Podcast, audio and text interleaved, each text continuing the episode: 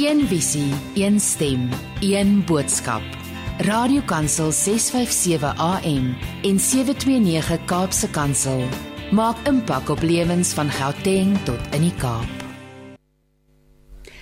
Goeiemôre, dit is tyd vir met hart en siel baie baie welkom. Ek is Christine Ferreira en ons gaan saam kuier tot 11:00 hier op Radio Kansel en Kaapse Kansel. Nou vandag is uitdagings ons tema en ons gaan gesels oor hoe om die uitdagings wat oor jou pad kom te hanteer. Ons gaan begin met Elisabeth Botha van Geopende Deure wat gaan gesels oor geloof onder uitdagende omstandighede. Aktrise Mila aktrise Mila Guy gaan vertel oor haar deelname aan 'n nuwe TV-reeks met die en die titel Die Uitdaging en avonturier Iana Strydom gesels oor haar belewenis as aanbieder van die program. Pastoor en lewensafrigter Fanie Briel deel gedagtes oor hoe hoe oor hoe om uitdagings met die regte ingesteldheid te kan aanpak. Ons gaan ook luister na 'n kort boodskap van Piet Becker en ons sluit ons program af soos ouer gewoonte met 'n rustige stilte tyd meditasie deur Melanie Vosloo. So bly gerus ingeskakel vir sielskos en inspirasie. Jy is ook welkom om saam te kuier. So stuur gerus vir ons 'n WhatsApp boodskap na 082 657 2729. Maar nou wil ek graag net afskop met 'n stukkie skrif. Ehm um, en ek lees vir ons uit Jesaja 41. En nee, ek ekskuus tog, Jesaja 42 vanaf vers 10. Kort stukkie wat sê: Sing vir die Here 'n nuwe lied. Julle moet vir die Here 'n nuwe lied sing. Oor die hele aarde moet hy groot gemaak word.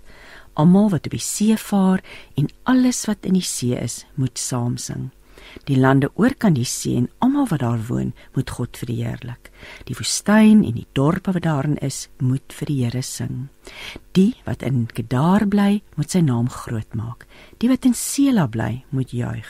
Hulle moet van die toppe van die berge af jubel vir die Here. Die wat in die lande oor die see bly, moet aan die Here eer bewys en hulle moet sy naam groot maak. So gepas Aangesien ons gaan gesels met Elisabeth Botha, die mediabeampte van Geopende Deure Suid-Afrika oor die wêreldwaarnemingslys wat bekend gestel is verlede week en ehm um, daarin leer ons van al die vervolgde Christene en hierdie Christene woon letterlik oor die see op in die woestyn in ons kontinent op ons kontinent verre lande maar ja, hulle hulle wy hulle lewe aan aan Jesus Christus onder baie moeilike omstandighede. Baie welkom Elisabeth hier in die ateljee. Dis te lekker dat jy hier kuier vanoggend. Goeiemôre Christine, dis heerlik om hier te wees.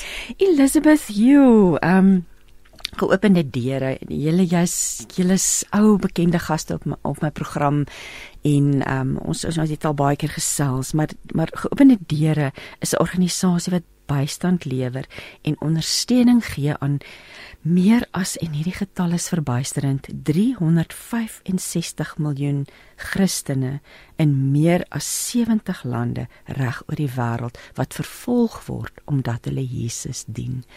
Dit is darem 'n geweldige hoeveelheid mense nie. Dit is skokkend, weet jy, as ons nou praat oor die tendense, dan sal jy sien dit was verlede jaar 360 miljoen. Dis met 5 miljoen op van verlede jaar na 365 miljoen. Ek staan altyd verwonderd oor hierdie mense wat onder sulke uitdagende omstandighede, lewensgevaarlike omstandighede kies om die Here te dien ek is seker dit is 'n groot inspirasie as as as jy daarmee werk elke dag, nê. Nee. Weet jy dit spore mense regtig aan om jou eie kristendom ook te versterk, Christine, want hierdie mense is onder sulke verskriklike moeilike omstandighede. En hoe swaarder hulle kry, hoe sterker is hulle geloof. So dis dit is 'n groot inspirasie definitief. Ja, absolute getuienis en natuurlik dis wat God ons beloof nê. Ja. As jy op jou swakste is, is ek op my sterkste. Kom sy krag tot volle ja. werking. En hierdie mense ja, soos jy hulle spoor ons aan en ons is so in gemak om ons ons ons vry om te aanbid waar en wanneer ons wil. Maar kom ons gesels oor hierdie lys want dit is dit is dis altyd 'n baie groot dag in die jaar vir julle die bekendstelling dis nie 'n maklike dag nie want dis meestal slegte nuus wat wat oorgedra word, maar dis baie goed om bewus te wees. So kom ons gesels oor die lys wat nou op 17 Januarie bekend gestel is. Wat behels hierdie lys en en vertel ons 'n bietjie meer oor die navorsing, hoe dit saamgestel word. Ja, Christine, die wêreldwaarnemingslys word op 'n jaarlikse basis saamgestel en dis 'n lys wat dan die top 50 lande waar Christene die ergste vervolg word fisies lys. Met ander woorde die top 50 lande waar die lewe die heel moeilikste is vir Christene. Nou die lys is die eerste keer in 1993 saamgestel. Dis hierdie jaar die 31ste jaar wat hy uitgegee is. Nou die lys word saamgestel nadat daar intensiewe navorsing gedoen het. Nou kan miskien noem die algehele vervolgingstelling is 'n samestelling van 6 verskillende tellings. Die vervolgingsvlakke in mense se privaat lewe, in hulle familielewe, hulle gemeenskapslewe, hulle nasionale lewe, hulle kerkgemeenskappe asook dan hulle geweldsvlakke. En daarmee saam word daar dan ook gekyk na die regeringsbeperkers en die hoeveelheid sosiale vyandigheid teenoor Christene. Dit word dan ook in ag geneem. Nou hierdie jaar se lys dek die tydperk vanaf 1 Oktober 2022 tot 30 September 2023 en dis dan omvattende navorsing, data vanaf geopende deure veldwerkers uit die veld uit, hulle netwerke in die verskillende lande, eksterne kundiges en vervolgingsanaliste wat dan alles saamgevoeg word om die vervolging wêreldwyd te kwantifiseer en te analiseer. En ek kan miskien net noem elke uitgawe van die lys elke jaar word deur die internasionale instituut vir godsdienstvryheid gehoude. Wat is die doel van die lys? Die doel van die ja, lys. Ja. Die doel van die lys is uit en uit om bewusmaking te skep onder die publiek, onder mense in die westerse wêreld, laat mense kan besef hoe ernstig die vervolging van Christene is, hoe swaar ons broers en susters in die vervolgde kerk werklik kry. Jy weet en laat mense dan daardeur ook betrokke kan raak by geopende deure se werk in die vervolgde. En ek neem aan dit help julle ook om julle werk te kan doen. Verseker want dit spesifiek ja, weet waar ja, gebeur wat. Dit gee vir ons 'n goeie aanduiding wat om waar te gaan doen waar die nood die grootste is, watter tipe bystand ons waar moet lewer, watter lande ons wanneer moet besoek en so voort.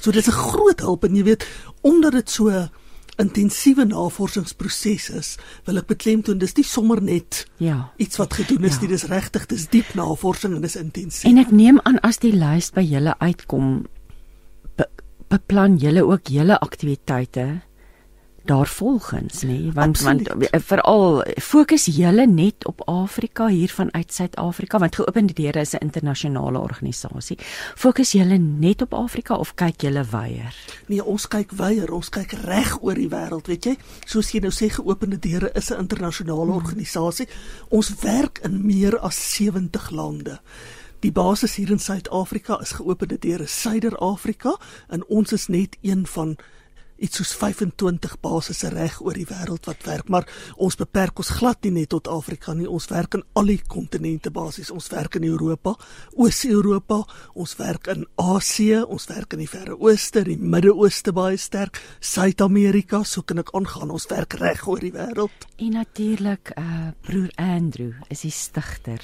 en hy's verlede jaar oorlede of is dit al 'n jaar van tevore? Tyd vlieg so vinnig. Weet jy, ja, dis ongelooflik, maar dit is al 'n jaar van tevore, September wat verby is 2023 'n jaar terug. So September 2022 is hy oorlede.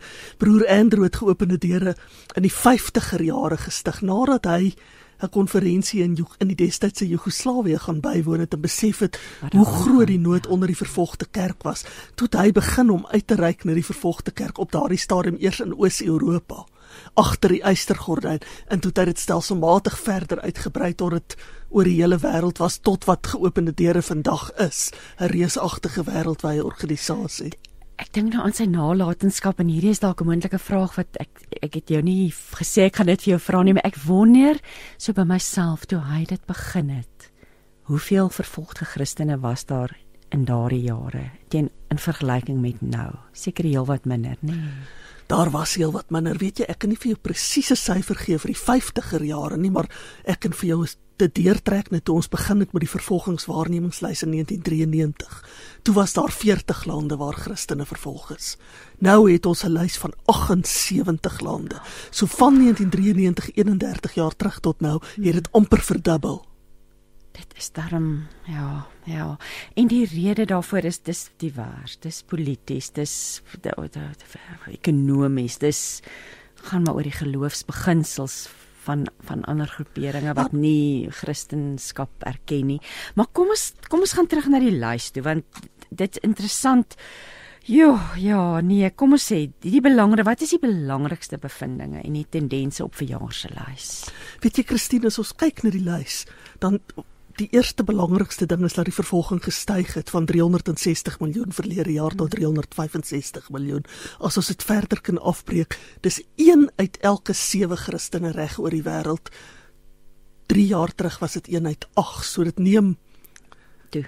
Ja stewig toe elke jaar. Jy weet en as jy dan verder kyk, in die top 50 lande alleen is daar 317 miljoen Christene wat vervolging ervaar. Dis net in die top 50 lande. Dit wys net aan vir jou intens is dit in daardie lande. Ja, en dan kan ons dit verder afbreek, dan kan ons sê in land 1 tot 13 ervaar Christene uiterste vlakke van vervolging.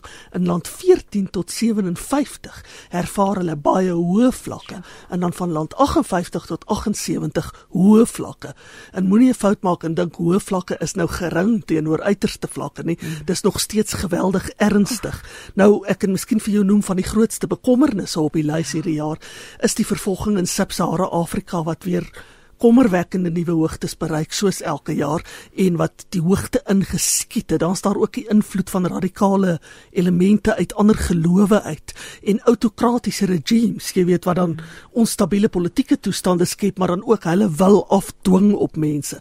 Dan kyk 'n mens ook na die onstabiele politieke toestande reg oor die Afrika kontinent. Jy weet, kyk net dinge soos oorlog wat uitbreek, die Wagner groep wat Mali geïnfiltreer het, dan 'n toename in kerksluitings en kerkaanvalle in lande soos China, Indië en talle ander lande in daardie area, jy weet. So dis dis absoluut 'n ander goeie voorbeeld byvoorbeeld is die stygings in aanvalle in Nicaragua. Nicaragua was verlede jaar nommer 50 op die lys. Hy het gespring, hy's hierdie jaar nommer 30. 20 plekke hoër. Ek kry sommer hoendervleis as hierdie goed hier met ons deel oor die lig om net ek kan miskien vir jou syfers ook gee om ja, dit nog verder ja, realisties ja. te maak. Jy weet, as jy vat altesaam 4998 Christene is hierdie jaar wêreldwyd in geloofsverwante aanvalle doodgemaak. Dit is die syfer wat ons het, maar is waarskynlik baie hoër want talle gevalle word glad nie aangemeld ja. nie. Dan, daar was 'n sewevoudige toename in aanvalle op kerke, Christenskole en hospitale. Dit was laas jaar 2110, hierdie jaar is dit 14766. Dit so dit is 'n geweldige onmisbarende ja, ja. uh, lys hierdie jaar. 5 uit die top 10 lande op hierdie jaar se wêreldwaarnemingslys is in Afrika. 3 uit die top 5 lande is in Afrika. Christene wat aangerand of gedreig word, het ook toegeneem. Verlede jaar was dit 29411. Hierdie jaar is dit amper dubbel soveel, 42849. Aanvalle op huise het met 371% gestyg van verlede jaar af. Christene wat ontwortel is, wat gedwing is om hulle huise te verlaat of dan moes gaan skuilings soek elders, het meer as verdubbel. Verlede jaar was dit 122310, hierdie jaar was dit 278716. Dis onwerklik, nê? Nee. Dis verskriklik, jy weet as jy kyk hoe erg dit gestyg het. En 'n mens kan net regtig gaan sit en wonder, wel daar's daar's verskillende redes, ons het nou van die redes genoem. Maar mens kan regtig wonder wat gaan aan in ons wêreld? Wat gaan aan in die harte van mense? Ehm um, asof die wreedheid net toegeneem het, nê? Nee? Ja, en weet jy, dit is net omdat mense Jesus dien wat hulle so vervolg word. Mense word doodgemaak, mense word ontvoer.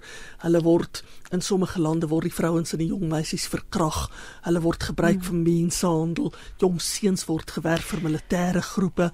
Mense word ontwortel teen 'n verskriklike tempo soos ek nou genoem het. Is daar 'n teendeel? Is daar 'n is daar 'n bietjie lig in hierdie donker tonnel om te dink daar's daar's nou ook meer Christene.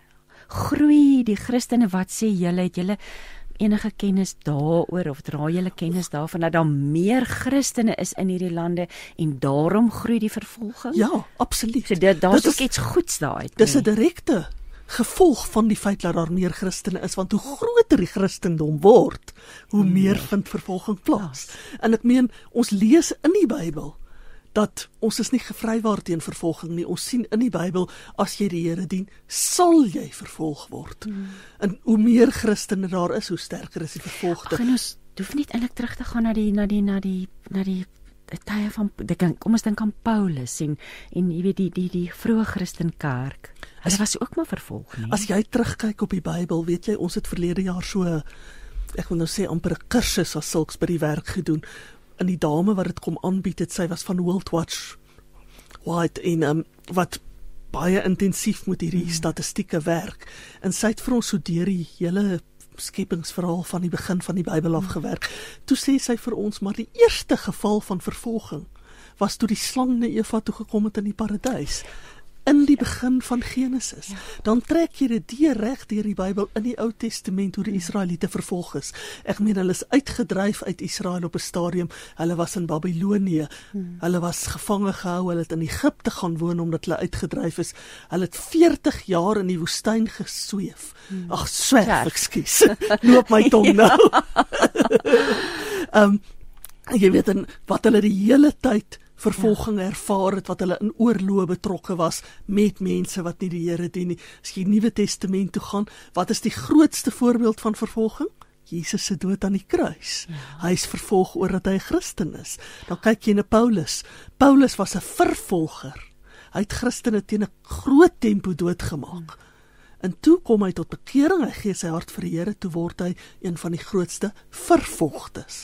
En hy sterf ook 'n vervolgingsdood. Stefanus wat met klippe doodgegooi is. Die vroeë kerk in Handelinge, so kan jy aangaan om voorbeelde te noem reg deur die woord. Vind vervolging plaas. Mense wil ook amper sê daar's niks niets onder die son nie sonder om nou ligtelik daaroor te wees, jy weet. Ja, dit is Maar dit is jy weet, maar dit is goed om terug te kyk en te onthou en maar weer eens hoe sterk was die Bybelfigure Paulus, Stefanus, hoe sterk was hulle geloof nie. Maar dis hoekom ons bewustheid moet skep ja. hieroor, jy weet, want ja. baie mense dink as ons praat van die vervolgde kerk en ons broers en susters wat vervolg is, dis deur ver en dit raak ons nie eintlik nie.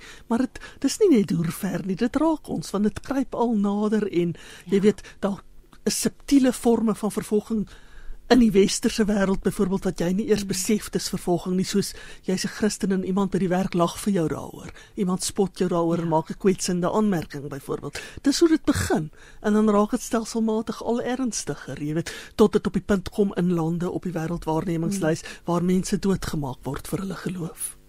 Kom ons gesels 'n bietjie oor die top 5 lande want jy het nou genoem van oor die Afrika lande wat opgeskuif het, maar wat watter lande is die top 5?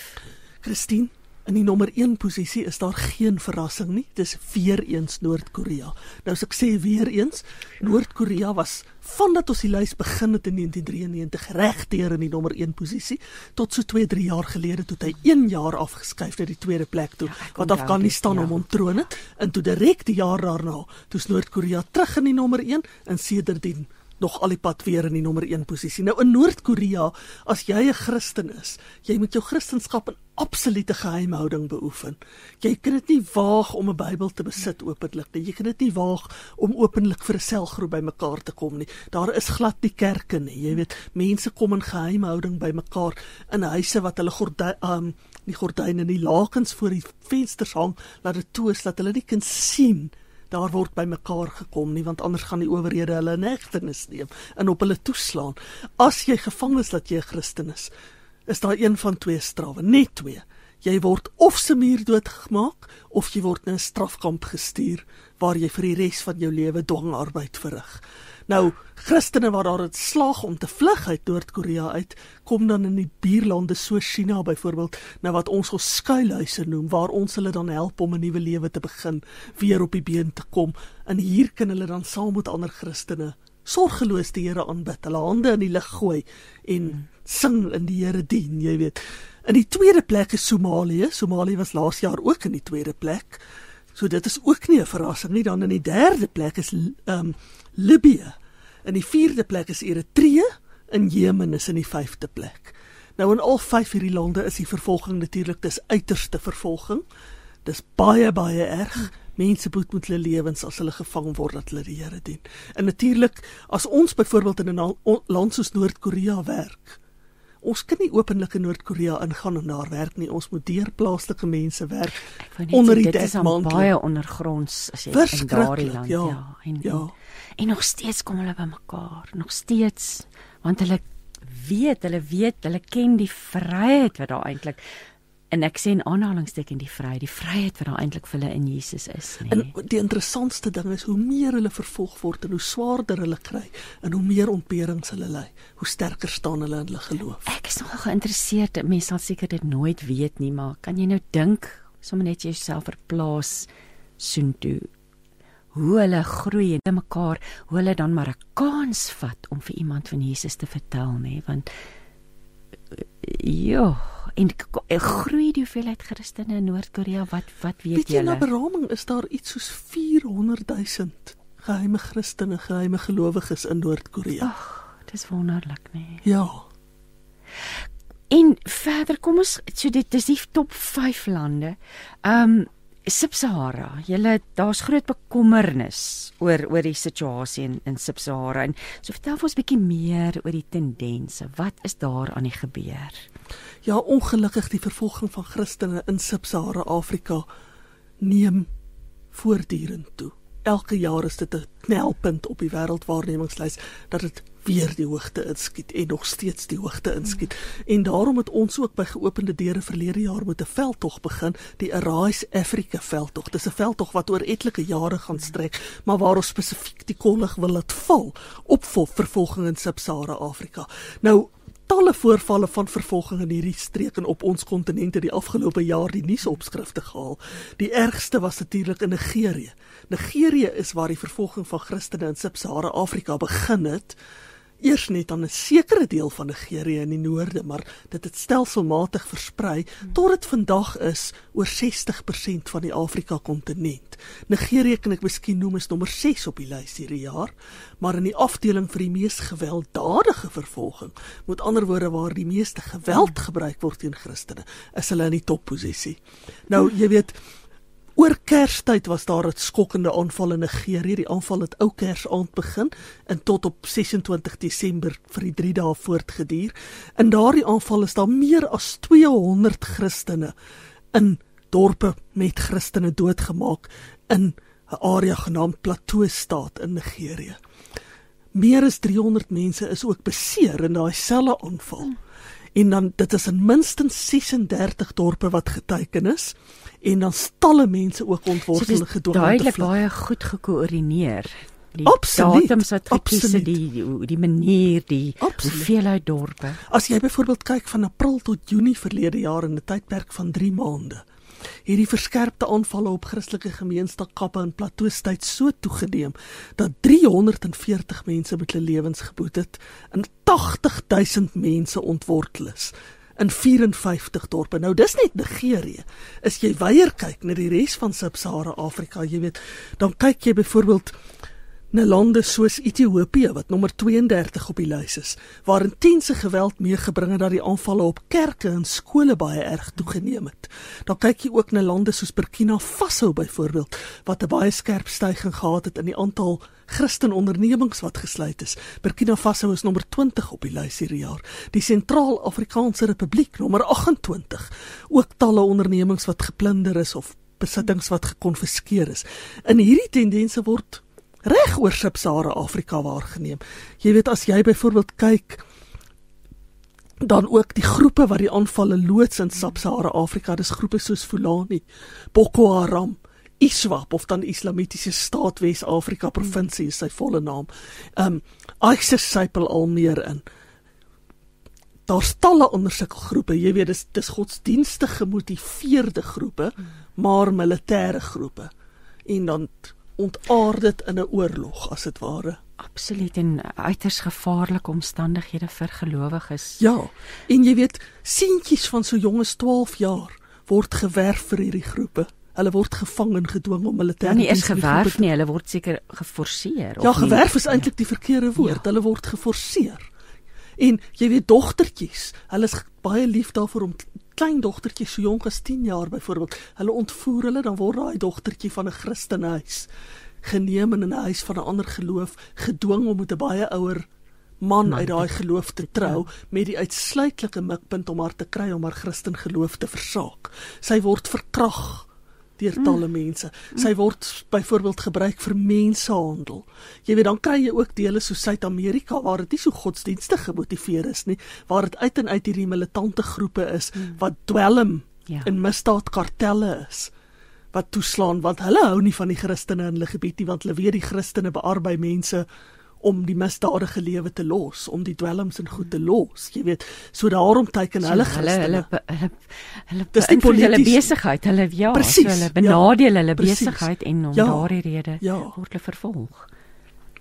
Jo, weet jy, vertel vir ons jy het so uh, liggies verwys na die Wagner groep en Mali. Ehm um, wat waarmee is hulle besig daar?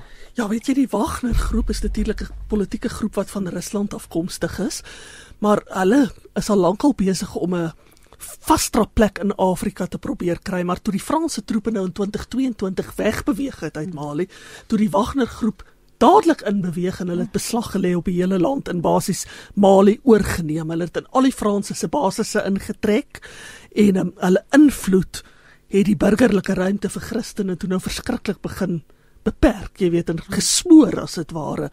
En as jy nou sien, die Wagner groep het ook meegebring dat die regering se invloed drasties afgeneem het. So met ander woorde, die regering staan terug in die Wagner groep So daar's niemand invloed neem hierdie al meer toe. Hulle is so weerloos, nê? Daar's Ja. niemand dat hulle Kom ons kom ons gesels 'n bietjie verder oor die lys. Um, jy verwys ook na na Indië, dat Indië, waar lê Indië op die lys?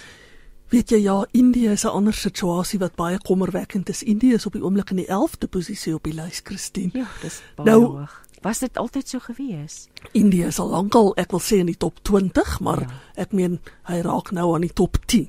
Ja. En ons het byvoorbeeld so 2 jaar terug het ons 'n veldtog in Indië gehad, Impact Indië spesifiek omdat die vervolging in Indië so erg is. Nou ongeluk die aan, aantal Christene wat doodgemaak word in die aantal kerke, Christenskole en huise wat aangeval het, het met kommerwekkende tendense gestyg. Die episentrum van die oplewing in hierdie geweld is natuurlik die Manipur gebied waar vyandigheid tussen die meerderheid Meitei en die minderheid Kuki ek hoop ek spreek dit reg uit etniese groepe in Mei 2023 losgebars het en waar dit begin het as etniese geweld het dit oorgesit in 'n volskaalse godsdienstige oorlog uiteindelik jy weet en hulle veg nou onder mekaar in die etniese groepe godsdienstige groepe veg teen mekaar En hierdie geweld spesifiek het daartoe gelei dat 160 Christene doodgemaak is en nog duisende uit hulle huise gejaag is en ontwortel is. Hulle moes toe nou elders gaan skuiling vlug, jy weet, en hulle huise net so verlaat. In baie gevalle moes hulle staan en toe kyk hoe hulle huise afgebrand word en dan het hulle niks oor nie. Hulle het nêrens om te gaan nie. So hulle hele lewe is omver gewerk. Dit is dit, dit is so duidelik of dit is dit staan so uit dat hulle die Christene op alle vlakke op alle vlakke op hulle die huise, hulle hulle besighede, die skole. Ja. Dit- Kan ek kan ek vir jou vir Indië ook 'n paar syfers noem? Jy kan gerus. Weet jy, daar was van 2023 verlede jaar tot nou 'n negevoudige toename in Christelike sterftes in Indië. Dit het gestyg van 17 verlede jaar tot 160 hierdie jaar. Daar was daar 'n verskriklike toename in die aanvalle op Christenskole. Verlede jaar is 67 aangeval. Hierdie jaar is 2228 aangeval. Dis ek moet bysê dis nie net skole nie, dis ook Christenkerke, kerke en skole. Kerke en skole. Jy weet so, dit het absoluut 'n kommerwekkende tempo die hoogte ingeskiet. As jy byvoorbeeld verder kyk, die aantal Christenhuise wat in die afgelope rapporteringstydperk aangeval is en dikwels verbrand is, het ook drasties toegeneem. In 2022 was dit 91 huise. Verlede jaar het dit verdubbel na 180. Hierdie jaar is dit 9900. Dit is Absoluut. Ek neem aan julle is geskok as julle hierdie syfers ontvang. Dit Ja, dit want veral hierdie jaar. Daar's hierdie- meer as 62000 Indiese Christene gedwing om hulle huise te verlaat hierdie jaar, die afgelope jaar. Elizabeth, ek wil nou vir jou vra en want want daar ons het nou gekom en ons deel nou die die slegte nuus oor dit en hierdie uitdagende omstandighede. Maar julle hoor wonderlike getuienisse via julle netwerke. Ehm um, wat is die gees van die mense? Wat hoor julle as julle met mense praat? Weet jy, ons hoor hoop, Christine. Ons hoor hoe die vervolgde kerk met hoop gevul is ondanks hulle swaar kry. Ons hoor hoe hulle hierdie wonderlike, soos jy nou sê, getuienisse lewer oor hoe hulle ondanks die swaar kry aan hoop vashou en sterk staan in hulle geloof, hoe hulle vashou aan die wete dat ons vir ons broers en susters bid. Jy weet, hulle voel aan ons bid vir hulle. Ja. Weet jy as ons iemand in die vervolgde kerk vra, wat kan ons vir jou doen? Dan is die eerste ding wat hulle sê, bid asseblief vir my. Hulle ken die krag van En gebed. jy weet die die fantastiese inspirasie wat hulle vir die res van ons is. Jy weet ek het in die verlede nou al die voorreg gehad om te toer na die vervolgde kerk toe en ek het gedink o Jesus, ek gaan nou soontoe om hulle te gaan versterk en hulle geloof te gaan mm. versterk.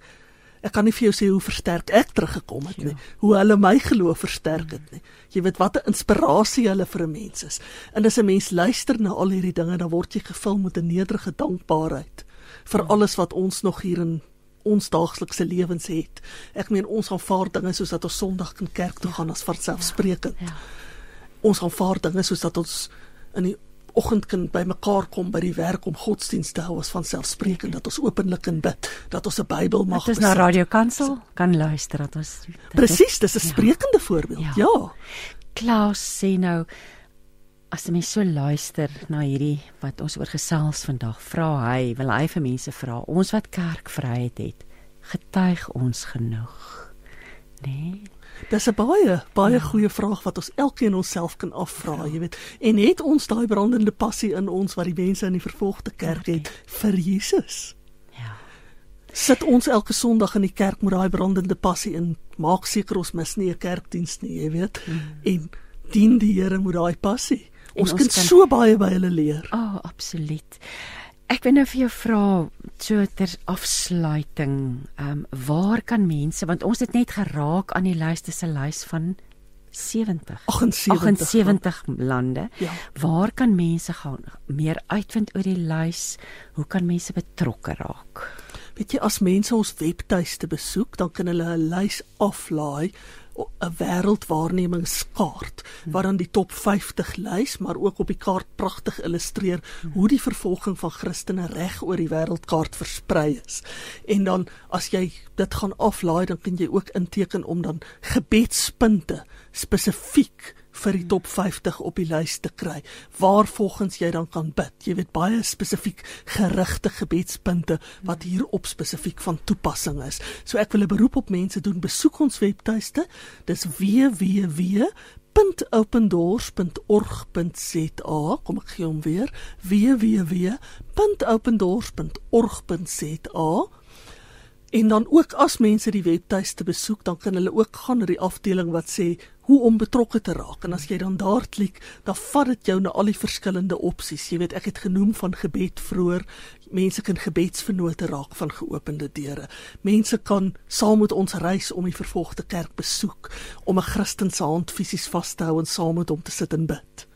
Jy weet mense kan betrokke raak as vrywilligers van geopende deure wat dan basies optree by kerke en geestelike byeenkomste en 'n aanbieding lewer en vertel van ons werksaamhede en so dan bewustheid skep. Mense kan as kerkverteenwoordigers optree waar jy in jou kerk as dit ware geopende deure se persoonlike mondstuk So is. daar's talle talle Daar's maniere. talle wat jy- maniere. Oh, ek Alternatiefelike mense ook ons hoofkantoor in Johannesburg skakel by 011 889 waar ons dan ook Jy moet nou daardie stadiger weer sê 8898 Nee, 011 889 9341.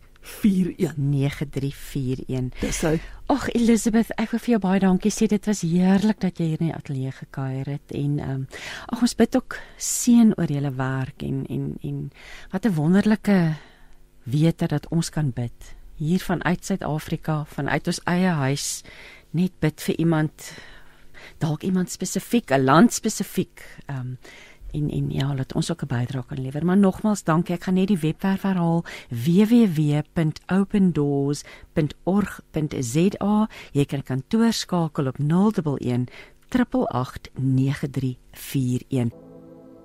Jy luister dan met hart en siel die horlosie sê dis 9:47. Nou ja, 'n nuwe jaar vra dat ons almal nuwe uitdagings aandurf. En die uitdaging is 'n splinter nuwe adrenalienbelaaide realiteitsreeks wat op die 11de Januarie op Via TV begin wys het. En hierdie is 'n treffende konsep. Dis 'n storie, dis vol spanning, dis 'n dit is vol stories, dit is toe uh, openbare figure, bekende, geliefde bekende Suid-Afrikaners uh, wat wat deelneem en in 10 episode 10 epiese uitdagings aandurf en ek het nou die voorreg om te gesels met Mila Guy wat saam met haar man Benny Fourie in een van hierdie op in een van hierdie episodes 'n besonderse uitdaging aanpak. Môre Mila. Goeiemôre. so lekker om met jou te gesels al die pad van die Kaap of as ek dit nie mis dit nie, nê? Nee. Ja, ons bly so in die Kaap. Dit is baie warm vandag. uitdaging op sigself klink dit vir my. Ja, ja. Mila, Mila, ek vertel vir ons oor hierdie nuwe reeks, die uitdaging hmm. en en hoe jy en Benny daarbey betrokke geraak het. Sjoe, um dit is so 'n lekker konsep eers om mee te begin. Ek dink dit is altyd lekker om op so 'n avonture te gaan. So as 'n program jou nader dan mens altyd wel ek is altyd ja. Um ek love 'n stukkie avonture, ek love adrenalien.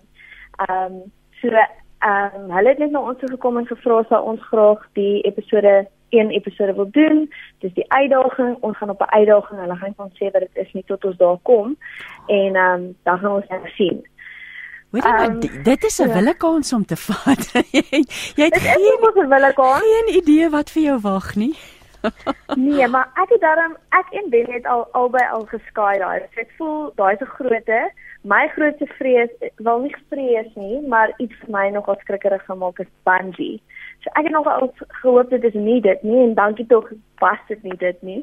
Maar andersins enigiets anders is ek oop vir. So ek is in avontuur en Johanna was ook net so 'n goeie gas, 'n vrou wat ons net inge ingetrek het met haar warmte en sy het net baie kalm laat voel en alles wat ons aangepak het daai dag.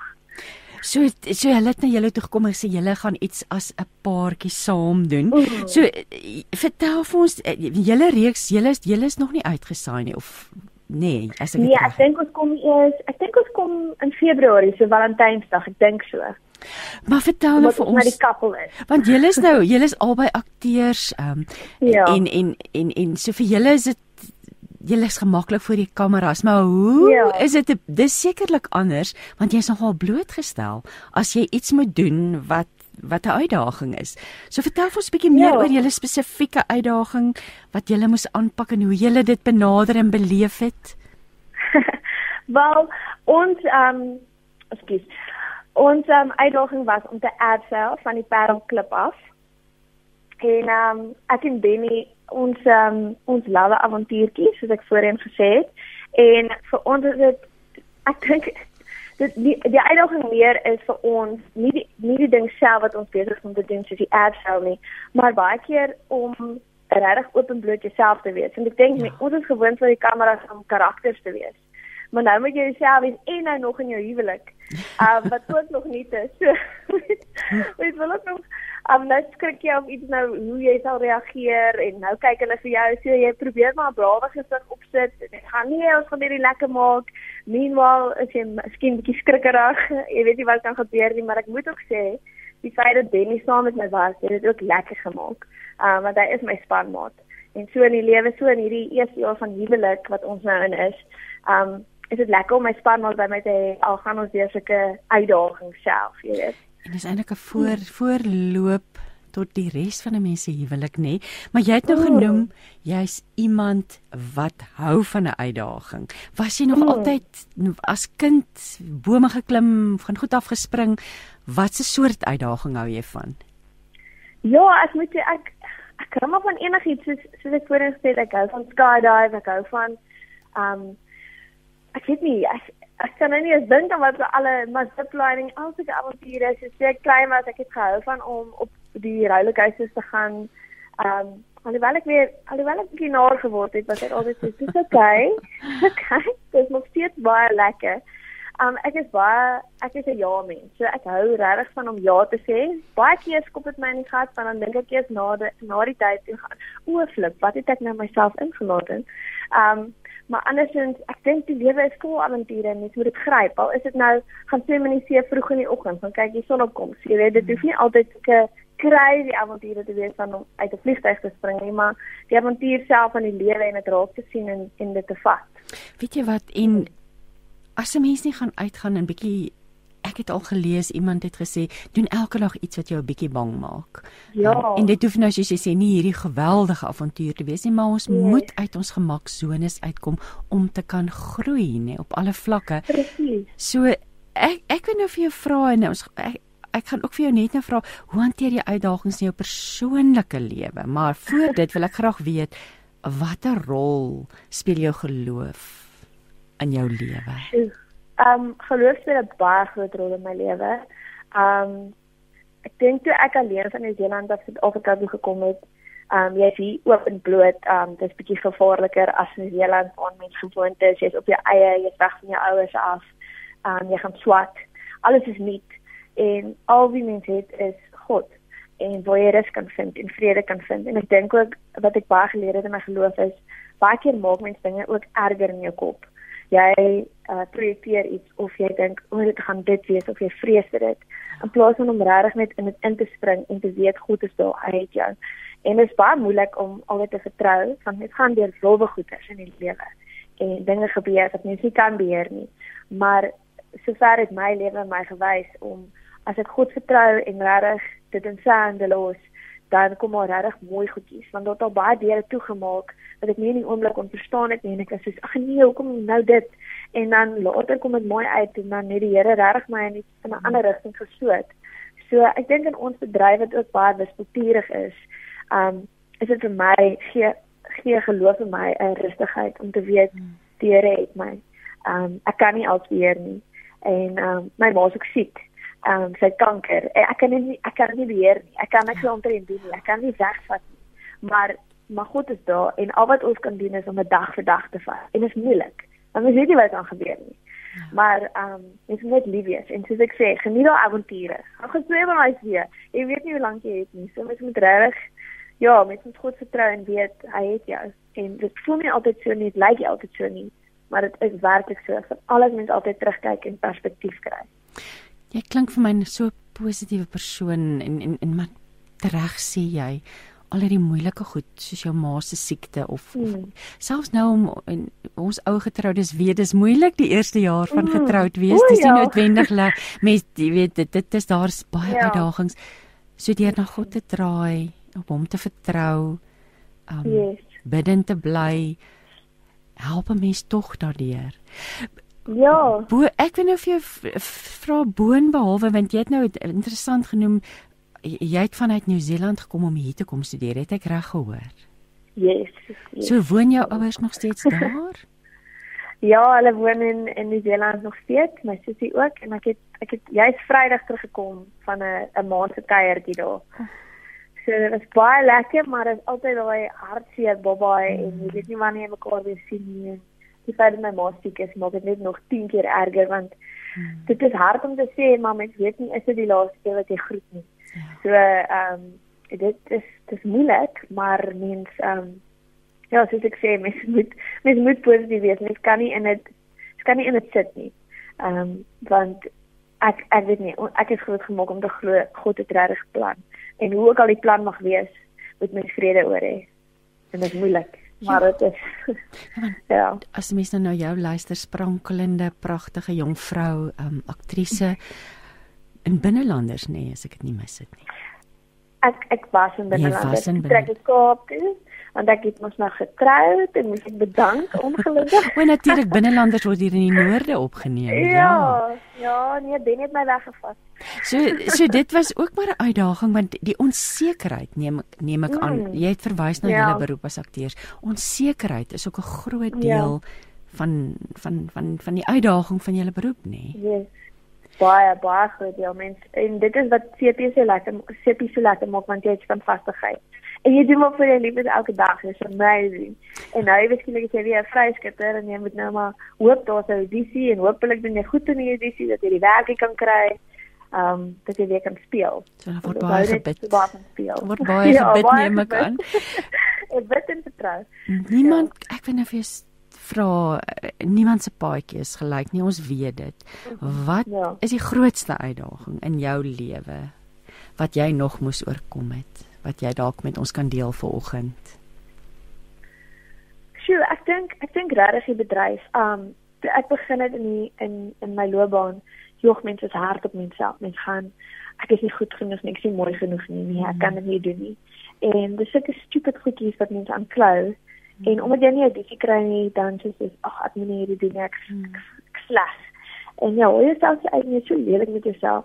En ek dink ek daai is my grootste uitdaging in terme net van om regtig te vertrou dat hierdie is waar moet wees en die passie in my hart is reg daar en hy's lewendig en God het dit daar gesit. So ek moet regtig net al weet en en dit geniet. Geniet die audisie, dis 5 minute wat jy kan speel, jy kan act um jy weet geniet dit en wat ook al kom van dit awesome. En as daar nie iets kom nie, jy het iets geleer. So ek ek dink dit was my grootste een om regtig te vertrou dat dat God hmm. my het. Hy het my al lyk dit nie altyd so nie, al voel dit nie altyd so nie, maar dit dit is wat dit is. So ek dink daar was my waar ek nader aan God gekom het net in terme van ja, ek weet nie hoe om dit te beskryf nie mense. Dit voel net so nader want jy kan na hom toe gaan en gaan ja, ek het nou 'n slegte dag en ek weet nie wat aangaan nie en ek kry vrede by hom. So ek dink dit was my grootste uitdaging in terme net van glo in myself en regtig 'n vertroue en 'n 'n band gevorm het met met die Here. Mamila, ek dink wat jy nou sê kan baie mense mee identifiseer oud en jonk. Dis hmm. so maklik om ons geloof in onsself te verloor of onsself ja. te meet aan ander mense of te dink ons is nie goed genoeg nie. Ja. Dit voel vir my dis omtrent almal wat mens mee te doen het, het een of ander tyd in hulle lewe daardie stryd en en en en dit is 'n uitdaging nê. Dit is 'n uitdaging. Vir al veral met sosiale media, ek kry die jonger ja. kinders verskriklik jammer. Die die feit dat jy so vinnig kan compare met ander meisies of ja. ander ouens of jy lewe is nie goed genoeg nie. Mens moet net onthou daai prentjies wat mense opsit is die beste van hulle lewe en ons almal kan dit hoor, ons almal kan dit sien. Maar mens glo dit nie altyd nie.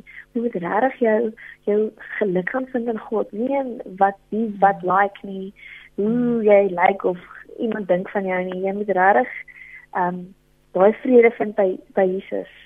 Ek dink dit is die grootste les wat ons almal moet leer. Ek dink ons lewe te veel op ons fone. Ons neem nie so die uitdagings aan nie, hmm. want ons wil net gou wys om om doen iets. In plaas van om dit te gaan doen, sit die foon weg. Ja. Toe ek nou in die Zeeland was, dit was ek was 2 maande van Instagram af. Dit was vir my ongelooflik.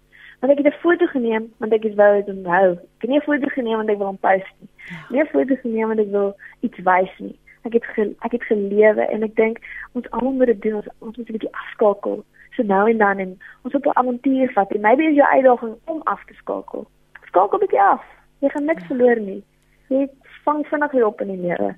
Maar jy moet jou geluk eers besit En ek wil nou terug gaan na die reeks toe iemand vra nou, gaan dit ook gaan dit eers anders uitgesaai word dalk op SABC, maar in hierdie stadium word dit net op Via kanaal uitgesaai yes. en ek het nou die tyd hier voor my ek het net gou weer kyk, is dit skus tog, ek wil nou net kyk op watter dag van die week. Dis 09:30 en dit was vanaf die 11de Januarie. Watter dag van die week is word dit uitgesaai as ek nou mag vra? Is 11 Januarie nie donderdag nie. Dit is net presiese donderdag, soos donderdag aande 09:30. Ek wil nou vir jou vra so ter afsluiting die episode self, want julle gesels natuurlik ook openlik dit dit is dit is 'n harts uh, uh, projek hierdie program ook. Dit mense hmm. gesels oor oor diep goed um die die vervaardigers het het vir my gesê geloof kom baie sterk deur. Daar's baie mm. mense wat oor hulle geloof gesels en en dat ja mense so so regtig deel. So terwyl jy hoe hoe dit gewerk het, jy afgespring, het hulle onderhoude met julle gehad en en wat was van die dingetjies, sommer so 'n paar lessies of ag hartsgedagtes wat jy en Benny gedeel het tydens daai episode? Ag, jy kom maar aan en hulle verwelkom jou en dan doen jy 'n paar uh, interviews van wat jy dink die dag is en wat is jou grootste uitdaging? Ek dink dit was so ietsie en dan doen jy die avontuur self. Jy gaan deur hom en dan na die tyd vra jy net hoe was dit? Ja, ja. Maar ek dink vir my en Benny was dit net weer eens die dit was so lekker om net saam te kan ietsie lekkers te gaan doen. Iets wat ons nie, jy weet dit is soort van vir jou 'n date hulle het dit vir jou gekies en jy gaan en jy geniet dit. En ek dink dit was dit was vir ons die lekkerste net om uit te kom iets anders te doen wat ons nie noodwendig sou gekies het nie. Ja. Maar hier doen ons dit ons sien die parel wat pragtig is van bo, um en doen ietsie en leer ander mense ken. Ehm um, so vir ons was daai baie lekker. So julle was um, glad nie bang in enige oomblik gewees nie. Nee, ek dink glad nie so nie. ek dink ons was so, oh, hierdie is baie lekker. Kom ons doen dit weer. Ek dink dat dit daar's miskien een oomblik wat mense so 'n bietjie oor die klip gaan en jy kyk so 'n bietjie af en jy gaan, is dit nog vas? Okay, nee, ek is en dan gaan jy verder. En ek dink ons gesels ook lekker en Denny is so grap ja, dat mense hy vat mense aandag heeltemal van van alles af wat jy besig is mee want hy hy ja, hy's net so ongelooflik funny. Ag Mila, dit is nou so lekker gewees om met jou te gesels en jy's 'n sprankelende sprankelende mens en ek wens en jou alles seën toe en ja, mag al die regte rolle oor jou pad kom. Um dis heerlik om te hoor dat jy uitdagings bidend aanpak nee, dis eintlik ja. vir ons as gelowiges die enigste manier. Presies. En dit is so lekker as jy dag kan begin met dit. Ek en Benny het 'n 'n oggendroetine waar ons koffie drink en dan lees ons uit die Bybel ons bid en ek, en ons daar wat jy het skiep van die die dag gaan so vinnig, maar dan kan ons dit voel. Ons kan voel daai ons het my iets gemis. Ja. So dit is so dit is so lekker om dit te kan hê en dit met ander mense te kan deel. Um en ons moet dit meer doen. Ek dink ons is baie keer skaam ja. dat ons Christene is. Ja. En ons moet ophou dit doen. Dis iets wat ek vir myself ook sê. Ek moet sê, ons is God se kinders, hy het ons mooi gemaak. Amen daarop dat in die vroeër uh, het iemand gesê getuig ons genoeg. Ons wat in geloofsvryheid leef sonder uitdagings um, getuig ons genoeg maar dankie vir jou getuienis vanoggend en ons sien uit na julle episode en Baie ons dankie. ja nogmaals dankie. Kom ons luister nou na Christo Kamfer wat sing 'n hart wat brand. Christo Kamfer het gesing 'n hart wat brand Nomvume het ons 'n pragtige boodskap gestuur hier op ons um WhatsApp. Sy uh, WhatsApp lyn sy sê life is full of uncertainties but there will always be a sunrise after every sunset. En kom ons luister na 'n spesiale gebed wat luisteraar Petra vir ons gestuur het. Heavenly Father God, we just come into your presence this morning and we humble ourselves before you, Father. Lord, thank you that you a good and faithful God, Lord. Father, today I stand on Zephaniah 3, verse 17, that says, The Lord your God is with you. He is mighty to save. He will take great delight in you. He will quiet you with his love. He will rejoice over you with singing. Heavenly Father God, Lord, thank you, Lord, that you are always with us, Father God. Father God, I ask that you would let us have an encounter with your love for us today. Let us feel your presence today, Father God. Let us become aware of your presence, Lord God, and that you are with us, Lord. Thank you that you are mighty to save, Lord. And thank you, Lord, that you take great delight in us, Lord. Thank you for quieting us with your love. And thank you for rejoicing over us with singing. Father, we ask that you would bless this day. Father God, please go ahead of us and make our path straight, Lord. By the power in the name of Jesus Christ, we command every obstacle standing in the way of our destiny to be removed and thrown into the sea. Father God, we ask that you would cancel every fiery dart of the enemy coming against us, Lord God.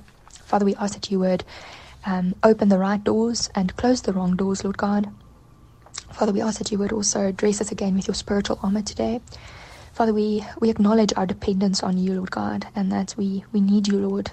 And Father, we we um, we put on your helmet of salvation, the breastplate of righteousness, the belt of truth, the shoes of peace, the sword of your word, and the shield of faith. Father, we ask that you would cover us with a hedge of protection today. Um, surround our vehicles, whatever transport we use, with your Holy Spirit fire, Lord God.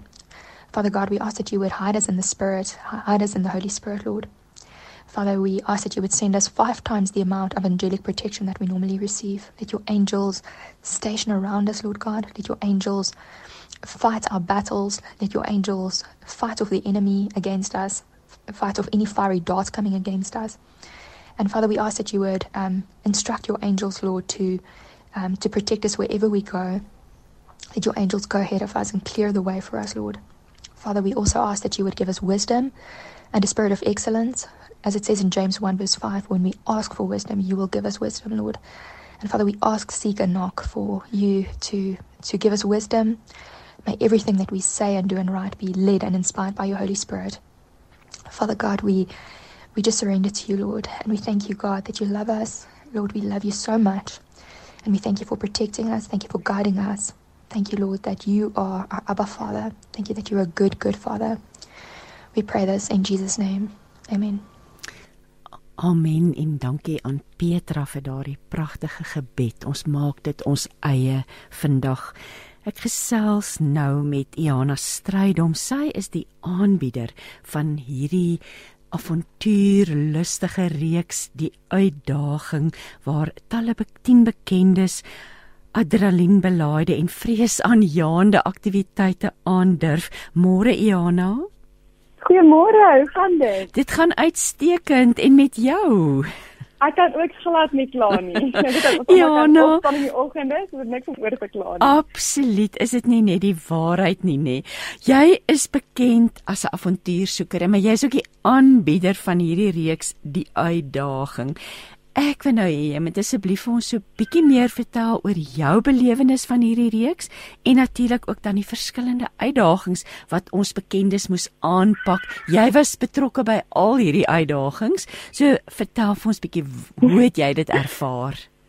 Sjoe, um, ek moet sê dit was my 'n uh, ongelooflike ervaring gewees en ek het dit saam met twee baie goeie vriende aangepak, Charlize en Michael wat die vervaardigers is van hierdie ongelooflike program en sonder hulle sou hierdie program nie gewees het wat dit is vandag nie. En yes, ek moet sê dit was 'n avontuur op sy eie gewees maar ek was self ook bang om party van hierdie uitdagings aan te pak maar ten spyte van die vrees het ons dit nog steeds gedoen. En as ek terugkyk daar daarna is ek so bly dat ek dit gedoen het en dit ongelooflike herinneringe en die bekendes van met wie ek dit aangepak het was net so lekker. Want jy weet dit is nooit lekker om iets um scary te doen alleen nie. so nou kon ek iets vrees aan Jan gedoen het saam met klomp bekendes en dit was my so so lekker om dit saam met hulle te kon aanpak. Was regtig 'n ongelooflike ervaring. Vertel vir ons ons verwys nou nog die hele tyd net na die bekendes. Vertel vir ons wie was almal deel van hierdie reeks? Okay. So daar was 10 bekendes en daar was 10 uitdagings. Ek gaan nou probeer almal onthou. So dit is 'n uh, eh, Hietjie Berg, Resense, Fransie van Cooke, Angelique Gerber, ons het vir Katinka, vir Benny en Mila, um Chrissy David, Zoe Brown, dan was 'n skalk by Sidenhout en dan die nou wat op een wat ek vergeet, maar Lia, ek, ek Lia, jy het Lia, hoe kan ek vir Lia vergeet? Ons uitdaging was ons uitdaging was crazy. Ons moes zipline, maar toe word ons getref met nog 'n uitdaging wat die reën was. So dit was 'n uitdaging om in die reën ook te zipline. Ek het nou hier 'n persverklaring met 'n klomp foto's en dit lyk vir my nou ongelooflike pret. Lia sê jy's nooit te oud om risiko's te neem nie. En sy sê dit alles sleg kom maar iets goed. So ehm um, no, o, hier's nog 'n aanhaling van Lia. Ek wil dit nie vrees noem nie. Ons is altyd net bang oor wat ander van ons gaan dink. Wees vol selfvertroue en weet ek kan hierdie doen en dan weer nog iets van Lia alles gebeur nie altyd soos jy dit wil hê nie. Ehm um, ja, dit klink vir my daar was baie lesse te leer. Ehm um, ek wil nou vir jou vra watter lewens en geloofslesse het jy as aanbieder by die deelnemers van hierdie reeks geleer? Ja kyk, um, ek meen elke wat bekende het hulle storie gehad wat hulle met my gedeel het en dit was ongelooflik om elkeen se storie te hoor, maar meeste van die lesse het ek ook al in my eie lewe geleer maar hulle het my weer net herinner en gewys. Hulle is eintlik ook 'n testimonie van niks is geen uitdaging is te groot vir jou nie en jy kan enigiets deurmaak. Soos ehm um, jy het ook gesê dis mense is altyd so bang wat wat mense van jou gaan dink. Dit hou baie van ons so terug in die lewe. Ja. En as 'n mens dit op sy skuif en net doen wat jy graag wil doen en wat jou gaan gelukkig maak, dan gaan julle ehm um, lewe vir jou oopmaak en ek vat ook nou Hytjie Berg as 'n voorbeeld. Sy storie was my ongelooflik om te hoor van waar af hy gekom het. Hy was op rock bottom en um, toe hy die Here gevind het. Ek kry sommer nou hoendervleis as ek daaraan dink. En hoe hy die Here gevind het en hoe die Here hom gehelp het om op die regte pad te kom. Um, is dit ongelooflik en dit is definitief iets om na op te kyk. Dis vir my so wonderlik eh, want want Charlize het vir my laat weet dat die gaste het regtig oopgemaak oor hulle geloof in hierdie episode en dis fantasties dat mense getuig maar ook oor hulle swaar soos Hytjie dat die die dieptes van waar hulle vandaan gekom het en waar hulle nou is Ek wil nou vir jou sê vra dit lyk klink vir my jy het nie 'n bang haar op jou kop nie. Ehm um, hoe hanteer jy vrees? Want vrees hou ons geweldig terug. Hoe hanteer jy vrees? Ja nee, ek stem 100% saam. Vrees hou ons so baie terug in die lewe en dit is waaroor die uitdaging eintlik gaan. Ons wou vir die mense wys dat moenie dat vrees jou terughou in in die lewe nie en um ons deel dit nou verskriklik ekstreem uit om hierdie um erge uitdagings te doen om te wys dat moenie dat vrees jou terughou in die lewe nie. Um maar die manier hoe ek op vrees hanteer is is ek probeer nie laat dit 'n uh, oorhand het oor my lewe nie. My ma het my altyd geleer um jy weet as jy vrees het, moet jy dit altyd wegbid want dit kom nie van die Here af nie en 'n mens moenie vrees hê nie want as jy vrees het, dan trek jy net die negatiewe goed na jou toe aan. Jy moet altyd positief dink en positief wees.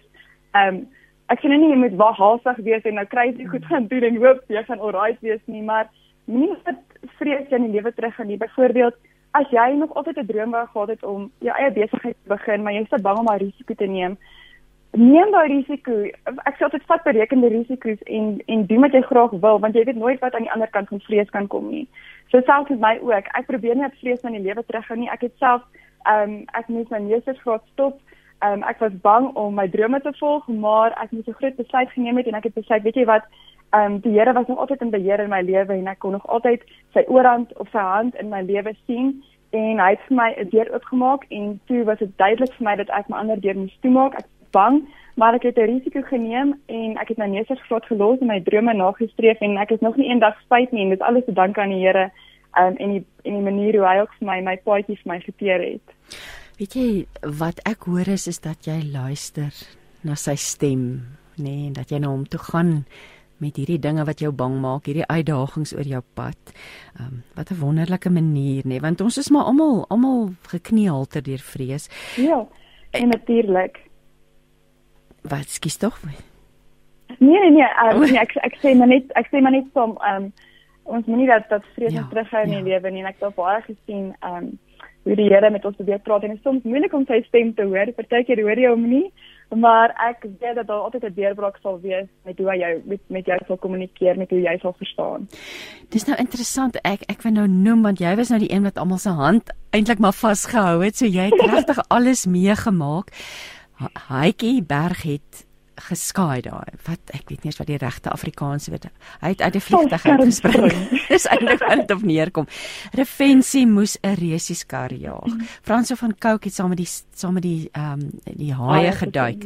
Christo Davids het ge ge ehm um, Cape Glide met 'n sweeftuig geen beheer nie nê. Daai sweeftuig is in die wind en die, op die wieke van die wind in die lugstrome.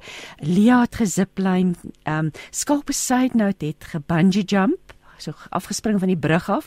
Angelique Gerber het duning genoem, soos gedoen, so sy het op die duine rond ge gekarjakker. So like a 4x4 ja. ja. Ek dink dat ek is van mening dat ehm um, ons nie gevoel by voor het nie. Dit is baie erger as voor by. Nee nee nee, ek ek het ek het so vermoed. Dis daardie advertensies wat mense op televisie sien is die rooi stof so staan in hierdie motors en die dinge. Ehm um, ja. dan net uh, kan dink aan 'n kat het ge ge ge gegly, wat noem jy paragliding? Ja, ek weet nie eintlik wat dit in Afrikaans is nie. Ek sê maar ook maar net paraglide. En dan natuurlik uh, Benny en Mila het geabseil. O, paraglide dis as daai klein vliegtuigie. Sy het eintlik 'n motortjie. Is dit nie 'n motortjie met sulke groot vlerke? Dit is eintlik so soos ehm um, soos valskerm spring. Hy het nou nie 'n motortjie nie, maar ons is bo op ehm um, Fynheuwel en dit het van daar af gehardloop met jou hardloop en dan O, ek het dit ook al gedoen. Dan, dan, weet- en dan begin jy net in die lug sweef. Ek het dit ook al gedoen. Ek het dit ook al gedoen. Weet jy, het my die bangste gemaak het was daai landing. So O ja. Maar dan het hulle wonderlike goed gesê. Hytjie wat gesê het elke dag wat ek sober is is 'n goeie dag vir my en my gesin. Vir hom het dit gegaan om verslawing te oorkom. Refensie het gesê om in te pas. Hy sê ek is presies tussen twee kulture. Dis 'n mm. voordeel en 'n uitdaging en my musiek help met die vereniging van ons land. Ehm um, Christo Duwys, die lewe is soos om in 'n vliegtyg te sweef. Jy moet net effentjies veranderinge aanbring en balans soek. Ehm um, ons het baie gesê oor wat Lia gesê het. Ehm um, sy sê ook brei sy het ook in tydens die program brei sy uit oor om risiko's te neem en vrees in die oë te staar. En natuurlik dan Skalk Besy nou die komediant wat gesê het hy was geboelie op skool. So dit was dit om 'n kunstenaar te wees, jy druk daar om ek rondom dit natuurlik ook om as jy geboelie was om om om dit te oorkom. En hy sê dit was 'n voorreg geweest om om hierdie program te kon doen. Hy sê van van iemand van niemand tot iemand. Vir hom was dit 'n uitdaging geweest om te beweeg tot bekendheid.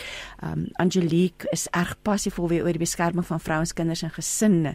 En sy praat ook oor geslagsgebaseerde geweld. So daar's ontsettend baie diepte wat julle ingeweef het saam Mhm. met saam met al hierdie wonderlike uitdagings wat party van ons net vanuit die leunstoel of van van die bank voor die TV sal aanpak. Ek wil nou vir jou vra, wat was die grootste uitdaging wat jy in jou lewe nog moes oorkom het? Sjoe, dit is 'n 'n moeilike vraag want ek was as kind het ek ehm um, klomp uitdagings moet ek deurmaak, maar een wat vir my wat dadelik in my kop toe kom, teen my gevra het is toe ek in graad 2 ehm um, was ek my ma en my boetie gehijack ons het op pad na Bybelstudie toe, snaaks genoeg. Sjoe. Ehm um, en ons ry toe in by die mense se huis en op daai stadium was my pa die plaas gewees. So hy was ook nie eers by ons nie en ehm um, ja, toe word dit gehijack en van toe af het ek verskriklik met angs met angs gesukkel. Ja, ja. Ehm um, dat ek baie ander voel my my bors gaan toe trek. Dit was verskriklik. Ehm um, en dit het verskriklik na my kop toe gegaan en my ma het my toe na 'n sielkundige geneem. Ag en van toe af, jy weet, dan wil jy op pille sit om om die angs weg te vat en so aan. En ek onthou nog, ek het al van hierdie gat geval en eendag sê my ma vir my nee, ek moenie laat pille 'n oorhand in my lewe kry, ek moenie afhanklik raak van dit nie. Um, ek kan hierdie ding self oorkom en ag ons het sterk gestaan in ons geloof. Ek was jonk. Ehm um, maar ek het deur dit gekom. Ek wil ook nie afhanklik raak van iets um om my beter te maak voel nie. Um ek glo mense kan self ook alhoewel ek wel self deur, deur dit gekom het en op die ou einde toe ek terugkyk daarna, ek is deur dit en um ja, ek is ek is nie spyt oor wat gebeur het nie. Ek glo elke liewe um jy weet moeilikheid of of obstakel wat jy deurmaak in jou lewe is, is gebeur met jou vir 'n rede en dit help jou om te groei as mens en um ek weet ook die Here wil hê ons moet groei. Um so dis hoekom jy ook sekere uit, uitdagings moet deurmaak in jou lewe om om te groei en dat hy dat jy die persoon raak wie hy wil hê jy moet wees. En dan natuurlik die as ek as jy nou geso gepraat oor oor oor die angs en die vrees, die rol wat wat oefening en aktiwiteit speel, nê. Het jy nie gevind dat dit vir jou belangrik was en dit vir jou gewerk het nie? Ja, vreeslik. Ek onthou destyds op skool ook as ek baie gestres het, dan sal ek in die aand ook gaan uh gym toe gaan, maar oefening is vir my ongelooflik belangrik. Selfs nou ek het um baie stres in my huidige werk want um ek het nou nie 'n baas wat ek 'n kontrak nie het wat my elke maand gaan betaal nie, so ek moet seker maak dat ek werk elke maand inbring en dit kan baie stresvol raak en oefening is vir my um iets na waarna ek kan escape en net my aandag bietjie aftrek en sodra ek klaar geoefen het dan jy weet dan is dinge weer beter en ek kan weer nigter dink en ek kan weer gefokus raak. So oefening is is baie belangrik vir my. En dan so laaste vraagie, sou jy sê jou geloofspad is 'n pad van avontuur? Ek sal definitief sê my geloofspad is 'n pad van avontuur. Ek sê altyd avontuur is so onvoorstelbaar en my lewe is my baie onvoorstelbaar. Ehm um, maar ek het nog altyd vertrou op die Here en die manier hoe hy wel baie deure was my toegemaak op skool. En op daai oomblik het ek nie verstaan ehm um, hoekom ek nou nie hierdie geleentheid kon kry nie en dit was my baie hartseer want ek ek werk so hard en ek probeer so hard en dan is ek vas oortuig nee ek gaan ek gaan nou hierdie span maak of ek gaan nou hierdie trofee wen of ek gaan nou hierdie ek gaan nou hierdie kry. Maar elke keer ehm um, is dit net 'n leerstelling op teleurstelling, maar het ek net gesien daai deure was toegemaak um, vir 'n rede en later altyd in 'n mens se lewe vind 'n mens uit hoekom daai deure op daardie stadium toegemaak het en die Here sê dit is perfek. Ehm um, en alles sal gebeur met jou wanneer die tyd vir jou reg is. Maar vir my is dit onvoorstelbaar. Ek vertrou hom. Ek weet hy weet wat die beste vir my is en ek weet nie wat kom volgende nie, maar ek sien uit vir die avontuur wat voorlê. Absoluut. En ag, ons bid vir jou dat dit dit alles sal uitwerk op net soos wat die Here wil hê vir jou, vir jou toekoms. Maar intussen gaan ons heerlik kyk op donderdag aande op Via TV om 09:30 na die uitdaging.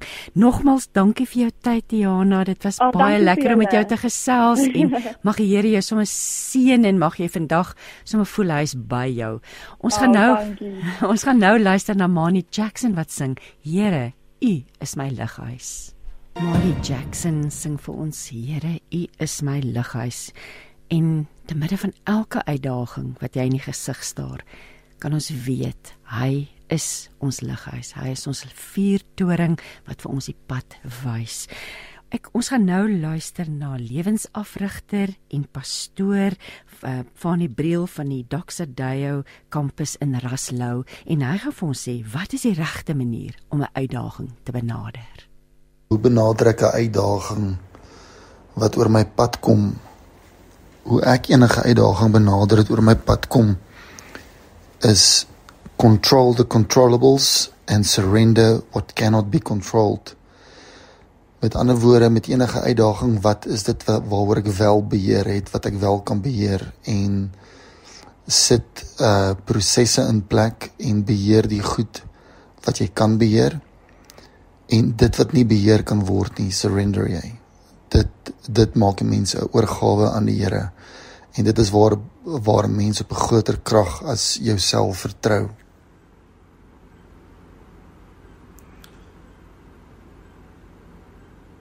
wat is die dinge wat my in staat stel om die uitdaging in die gesig te staar om te oorkom ek dink alles vir my kom neer op fokus waarop fokus jy? As jy op die berg gaan fokus, gaan jy die berg al hoe groter maak. Maar as jy die Here in die saak al hoe groter maak en op hom fokus, dan word hy al hoe groter. Dit is soos wat iemand eendag gesê het, gaan jy na God toe en praat jy praat jy met hom oor jou berg of gaan jy na jou berg toe en praat met hom oor jou God? So vir my om 'n uitdaging te oorkom gaan alles oor fokus. Dit waarop jy fokus, daar is 'n Engelse term wat sê whatever you focus on you expand. Dit waarop jy fokus, gaan jy net groter maak. So fokus speel 'n geweldige groot rol wanneer 'n mens 'n uitdaging in die gesig staar en met 'n mens die heeltyd jou fokus terugbring na wat is die oplossing en soos ek in die vorige stelling gesê het, wat kan ek beheer? because what you focus on is what you will expand.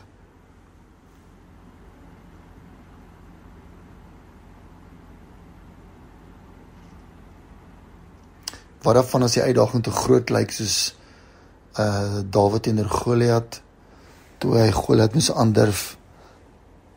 Weet jy dit is so 'n relevante vraag wat jy vra want ek dink vir enige mens voel hulle uitdagings soos 'n Goliat ons almal voel en maak onsself kleiner as wat ons probleem en as wat ons uitdaging is. So my my antwoord hierso is Dawid het uiteindelik vir Goliat oorwin, het hy nie. En daarom is dit belangrik dat ons moet besef dat daar is nie 'n uitdaging wat ons pad kan langskom wat ons nie kan oorwin nie. Dit is waarom daar selfs daai teksvers in die Bybel is wat sê dat God sal nie toelaat dat ons bo ons krag versoek word nie. Uh ja, Goliat was wel groter as Dawid. Maar God binne in Dawid was groter as Goliat. En weer eens is dit waarop ons fokus moet wees. Um enige mens voel verswelg deur hulle uitdaging in almal van ons wanneer ons voor 'n probleem te staan kom ehm um, lyk die probleem aanvanklik in die begin of dit ons gaan oorwin of dit ons gaan oorweldig. Maar as ons diep asemhaal, ons fokus reg kry en fokus op God binne in ons wat die probleem vir ons oplos en ons help om by 'n strategie en by 'n proses uit te kom, dan oorwin ons uiteindelik vir Goliat aan die einde van die dag. Wat as ek val? Wel, ek dink ek dink die vraag wat ons moet vra is wat is val? Ehm um, almal van ons val een of ander tyd. Die mooiste sê ding wat ek gehoor het iemand eendag gesê het was ons moet ons self gereeld herinner dat ons nie gode is nie. Ons is nie gode nie. Ons is nie gemaak om nooit 'n fout te maak of om te faal nie. Ek dink dit is hoe ons failure, soos wat die Engelsman sê, benader. Zig Ziglar wat een van my gunsteling skrywers is, het altyd gesê: Failure is not a person, it's only an event. En ek dink as ons dit in ons kop en in ons harte kan vasmaak dat wanneer ek val, moet ons dit nie so persoonlik vat nie. Om te val sê nie ek het geval nie. Dit het geval.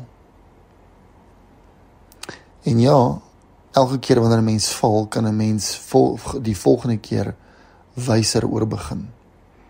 So, wat as ek val? Ek dink nie dit is die regte vraag om te vra nie die vraag wat 'n mens moet vra is wat is vir jou val? What to you is failure? En dan is my antwoord moet dit nie so persoonlik vat nie.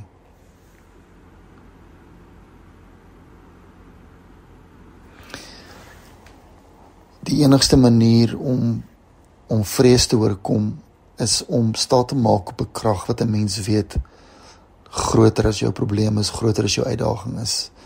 As 'n kind van die Here het 'n mens dit tot jou voordeel. Ehm um, wanneer ek weet ek gee situasie in die hande van God.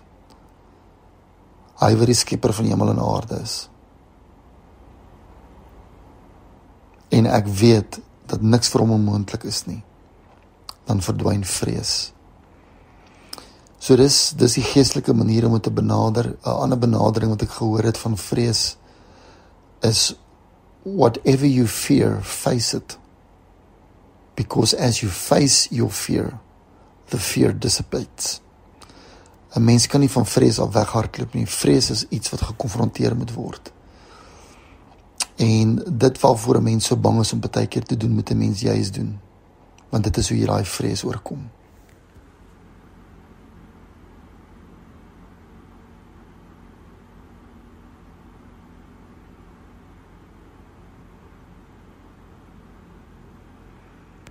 praktiese wenke om hoe om oopkop uitdagings te benader. Uh dink ek het ek in my antwoord redelik alles gesê wat ek wou wat wat uitdagings aanbetref. Ek dink vir my is die belangrikste aan die einde van die dag dat ons nie ons lewens so persoonlik moet opvat nie. Ons het nodig om meer te lag. Ons het nodig om vir onsself meer plesier te gun. En dit is waarom ek so baie praat op fokus oor fokus ook in hierdie voice note van my. Want as jy op jou uitdagings gaan fokus, gaan al jou joy gesteel word. Gaan al jou vrede gesteel word. Maar wanneer jou fokus reg is, control the controllables and surrender what cannot be controlled ek dink dit is my wenke. Ehm um, en soos wat ek gesê het om nie dit wat vir 'n mens 'n probleem is so persoonlik te vat nie. Dit is nie asof die lewe iets teen jou het nie. Uh dit is nie is asof die bose iets teen 'n mens het nie. Die lewe is maar net dood eenvoudig 'n stikkende plek. En ons is in baie opsigte ook maar net stikkende mense wat probeer sin maak baie keer van die chaos in ons lewens. So ons almal het nodig om minder hard op onsself te wees, diep asem te haal en te onthou dat die God binne ons is groter as die Goliat wat nou voor ons mag staan. En dit was pastoor Fanie Briel wat sy gedagtes rondom hoe om 'n uitdaging te benader met ons gedeel het. Kom ons luister nou na 'n kort boodskap deur gebedstapper Piet Becker. Kom word daders van die woord saam met 657 Radio Kansel en 729 Kaapse Kansel. Klanke van die lewe. Goeiemôre. Ek praat met jou vanoggend van af die pad. Uh ek is op 'n stappie na die kerk toe. So ek wil regtig vir jou bemoedig dat uh in alles wat jy doen, moet jy God soek en oral waar jy wandel, moet jy saam met God wandel. En as jy nie hom kry nie, soek hom. Vanmôre stap ek hier op pad na 'n gemeente toe. Uh as 'n besoeker, eerste keer dat ek ooit na daai gemeente gekom het. So dit was nou nie hierdie afspraak wat ek gehad het nie. Ek het net geweet die afspraak is met mense, maar ek weet daar daar is wel 'n afspraak, 'n afspraak, afspraak met God. En soos wat ek stap, jy weet mos hoe om die pad te maak waar die pad by 'n heuwel kom, dan moet hy of om die heuwel gaan of hy gaan reg deur die heuwel. Nou ek het vanmôre by 'n heuwel gekom waar die pad deur die heuwel gegaan het. Hulle moes die rots van daai heuwel oopskiet en die pad lê so tussen die rotse. Uh loop die pad deur. En ek stap tussen daai rotse wat oopgeskeur is waar 'n pad wat gelyk gemaak is lê. En ek loop op daai pad. En terwyl ek stap, sing ek. En die lied wat ek sing is Uh, you are so good. You are so good. En ek besing God met daardie lied. En terwyl ek deur daardie rotse stap, kry ek 'n ervaring diep in my hart dat ek net weet dat ek weet daar is 'n poort wat oopgemaak het. En ek bid en ek vra vir die Here en hy verduidelik vir my in my hart val dit wat hy vir my verduidelik dat 'n poort van die verstaan en van die wete en van die sien van God se goedheid is in Bethlehem oopgemaak. Bethlehem hier in die Vrystaat. Maar dat dit dan ook profeties vir Bethlehem die stad waar Jesus gebore is. Uh geld. Man, ek was so onder die indruk hiervan stap tot by die gemeente waar ek toe aankom. Ek so 2 of 3 minute laat, hulle is al besig om te sing. En terwyl ek in die gebou instap, sing hulle omtrent the goodness of God. Ek was so verras. Die volgende lied oor hoe God uh you are worthy en die volgende lied sing hulle weer oor God se goedheid, his goodness die laaste lied waarmee hulle die kerk eh, die kerkdiens afsluit. I can't believe how good you are as a friend to me.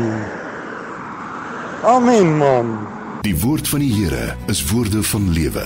Jy hoor dit op 657 AM. Like liefde so sing Len Miller en Retief Burger vir ons. Nou ons het vandag gesels wyd gesels oor uitdagings en en van die belangrikste dinge om 'n uitdaging te kan hanteer is natuurlik vasberadenheid, veerkragtigheid, die plek van ons geloof. En ek wil vir ons 'n stukkie lees uit Elsje Zaltsedel se boek Floreer, 'n boek wat gaan oor veerkragtigheid en sy verwys na 'n paar vyande van veerkragtigheid. So as daar 'n uitdaging in jou lewe is, wat jy nie voel jy net nie kan oorkom nie, dalk moet jy van hierdie dinge wat sy sê in gedagte hou. Winston Churchill het gesê, sukses is nie finaal nie, mislukking is nie fataal nie, dis die moed om aan te hou wat tel. Nou vrees kan natuurlik ons veerkragtigheid ondermyn en maar vrees is nie al waarteen 'n mens behoort te waak nie. Ilse noem een van die dinge in haar navorsing wat sy agtergekom het, ehm um, veerkragtigheid teewerk is trots. Sy sê om soms my trots te sluk was een van die waardevolste lesse wat al my terugslaa my geleer het. Daar is 'n tyd en 'n plek vir trots, maar die soort trots wat jou weghou van oplossings vir jou probleme of uitdagings is iets wat regtig onnodig lank ehm um, vir jou kan in die in in die net plat hou. En natuurlik wat sy dan verder sê is uitstel. Um, om uit te stel is is nie die antwoord nie. Mens met die probleem in die gesig staar. Maak werk daarvan. Jy gaan oorweldig en uitgeput voel, maar takel die probleem, takel die uitdaging en dan die ou gesegde hoe eet mense olifant stukkie vir stukkie. Ehm um, so hou dit in gedagte.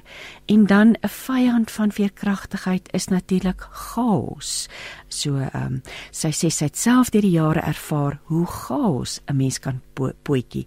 Jy kan dood eenvoudig nie fokus op wat regtig belangrik en noodsaaklik is nie, want te veel dinge duik langs die pad op. Dis nie net jou fokus wat verdeel is, verdeeld is nie, maar ook jou energie. Om op te staan nadat die lewe jou jou voete onder jou uitgeruk het, vereis energie. Ontklotter jou huis en jou kop as jy sukkel met die herstel van van 'n terugslag of as jy 'n groot uitdaging in die gesig staar. En hoe gouer jy die chaos in en rondom jou takel, hoe vinniger gaan jy weer kans sien en die lewe in die oë kan kyk. En dan verwys hy ook na 'n swak selfbeeld, hoe dit 'n mens kan terughou volmaakte en perfekte lewens, volmaakte mense en perfekte lewens is 'n mite, sê Ilse vir ons.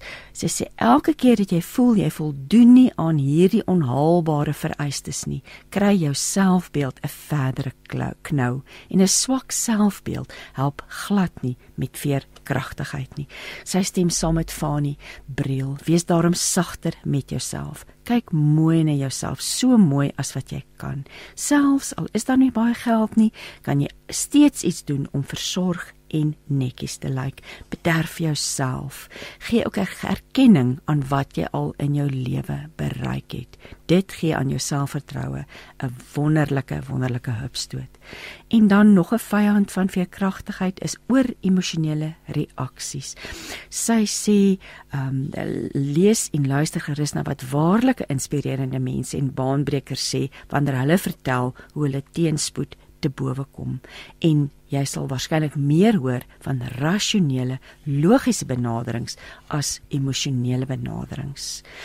En dan praat sy ook van onrealistiese verwagtinge wat in die pad staan van veerkragtigheid.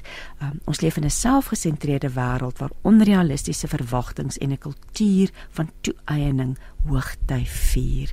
Um, een manier om onrealistiese verwagtinge te om te voorkom is om te fokus op dit wat jy kan verander en die res eenvoudig te aanvaar as deel van die lewe.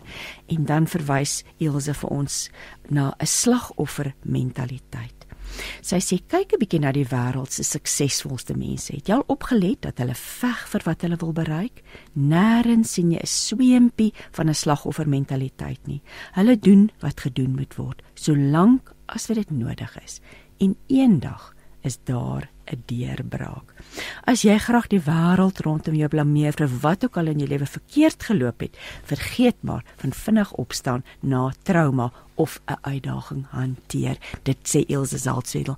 Dis tyd om te groet. Ek sê dankie vir Kensani Baloyi vir die tegniese versorging en ons luister nou na Melanie Vosloo se insetsel. Tot volgende week dan. Totsiens. Welkom by hierdie week se oordeenking.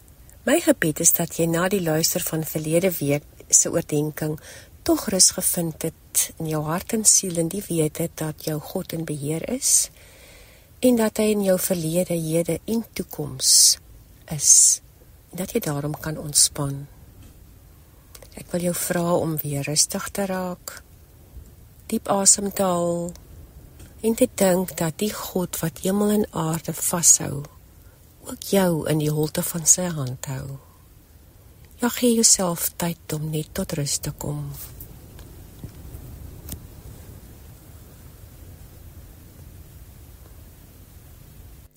Die begin van die jaar is vir baie van ons 'n tyd van nuwejaarsvoornemens. 'n Tyd wat ons herbesin oor onsself, wat ons vanjaar wil doen en wil bereik, watter gewoontes ons dalk sal wil aflê of dalk nuus wat ons wil aanleer. En wat ons gaan doen om ons eie en ander se lewens van jaar beter te maak. Maar nou ken ons ook onsself. Ons sukkel maar om by ons nuwe manier van dink en doen te hou. soos die vrou wie se voornemens oor tyd so verander het. 2019 skryf sy: Ek wil brandmaar wees en ek gaan dit binne 3 maande regkry. 2020 Ek het toe nou niks verloor verlede jaar nie, maar vanjaar gaan ek 'n paar kilos afskud. 2021 Ek gaan vanjaar vir my groter klere koop want ek is nou moeg om myself in vorige jare se stukke in te forceer. 2019 Ek wil vanjaar met alle mense goed oor die weg kom. 2020 Ek wil vanjaar met die meeste mense darmvriendelik wees. 2021 Ek sal vanjaar nice wees met die mense wat vriendelik is met my. Die res, hmm, wel. En nog een, 2019. Ek wil vanjaar die Comrades hardloop en ek gaan môre begin oefen. 2020. Ek wil vanjaar vir die eerste keer by 'n gym aansluit en begin oefen. 2021. Ek gaan my gym lidmaatskap kanselleer want ek wil die geld gebruik om liewer een keer 'n maand saam met my vriendinne koek en tee te gaan eet. Dit is so moeilik om ou gewoontes af te leer en nuus aan te leer, veral as dit 'n bietjie meer inspanning van ons vra. Dalk moet ons nie ons versiere te hoog stel nie, maar eerder net baba tree doelwitte vir onsself stel wat ons maklik kan bereik en dan vir onsself 'n plan uitwerk hoe ons daarby gaan uitkom. Jou belangrikste 3 voornemens wat eintlik elke aspek van jou lewe ontsluit, is eintlik die volgende. 1. Vanjaar wil ek tree vir tree saam met my Vader reis. Ek wil sy heeltyd in en om my voel. Ek wil dwars hierdie dag met hom praat, sommer so oor alles in my lewe. Ek wil my ore op sy stem instel en hom hoor. Hoor wanneer hy vir my sê hier is die pad, kom hier langs. Of wanneer ek deur valleie gaan, wil ek hom voel, voel hoe hy my dra. Op bergtoppe wil ek weet hy jubel saam met my dat ons iets reg gekry het. Ek wil beleef dat hy saam met my huil, huil, maar dat hy saam met my lag, ook lag. Ja, vanjaar wil ek in en om in deur sy teenwoordigheid leef voluit leef. 2. Vanjaar wil ek myself met groter liefde en deernis omhels. Ek wil God se liefde vir my regtig my eie maak en dan met sagter oë na myself kyk. Saam met hom wil ek die dinge wat ek in myself nie kan verander nie, aanvaar en die dinge wat ek wel kan verander met moed en deursettingsvermoë hanteer. In die derde voorneme van jaar wil ek na ander mense alle ander mense deur God se oë kyk. Ek wil hulle sien soos hy hulle sien. Onvolmaak soos ek, maar mense wat lief gehê word deur hom. Ek wil liefde gee daar waar haat is, omgee aangee waar mense dit nodig het. Vergewe al is dit soms moeilik en ja, ek wil in vrede en liefde met ander mense leef. My gebed is dat hierdie drie voornemings ook deel van jou plan vir jou sal wees hierdie jaar. Kom ons bid Paulus se woorde in Filippense 1 vers 9 tot 11. Here, ek bid dat my liefde al meer en meer sal raak omdat ek met begrip en fyn aanvoeling leef. Ek wil onderskei tussen die dinge wat irrelevant is en die dinge wat regtig saak maak. Ek wil daarna streef om skoon en onberispelik te leef. As ek dit kan regkry, weet ek sal my lewe vol wees van die goeie gevolge van my verhouding met U. Die goeie gevolge wat Christus bewerk het. Vader God, vanjaar wil ek so graag saam met U reis, sodat U my kan leer hoe om U met my hele hart lief te hê. En sodat U my kan help om myself soos U lief te hê en dan ander met begrip en fyn aanvoeling te hanteer omdat ek hulle ook met u soort liefde omhels. Help my daarmee asseblief, Here. Amen. Jy is ingeskakel op Radio Kansel 657 AM en 729 Kaapse Kansel.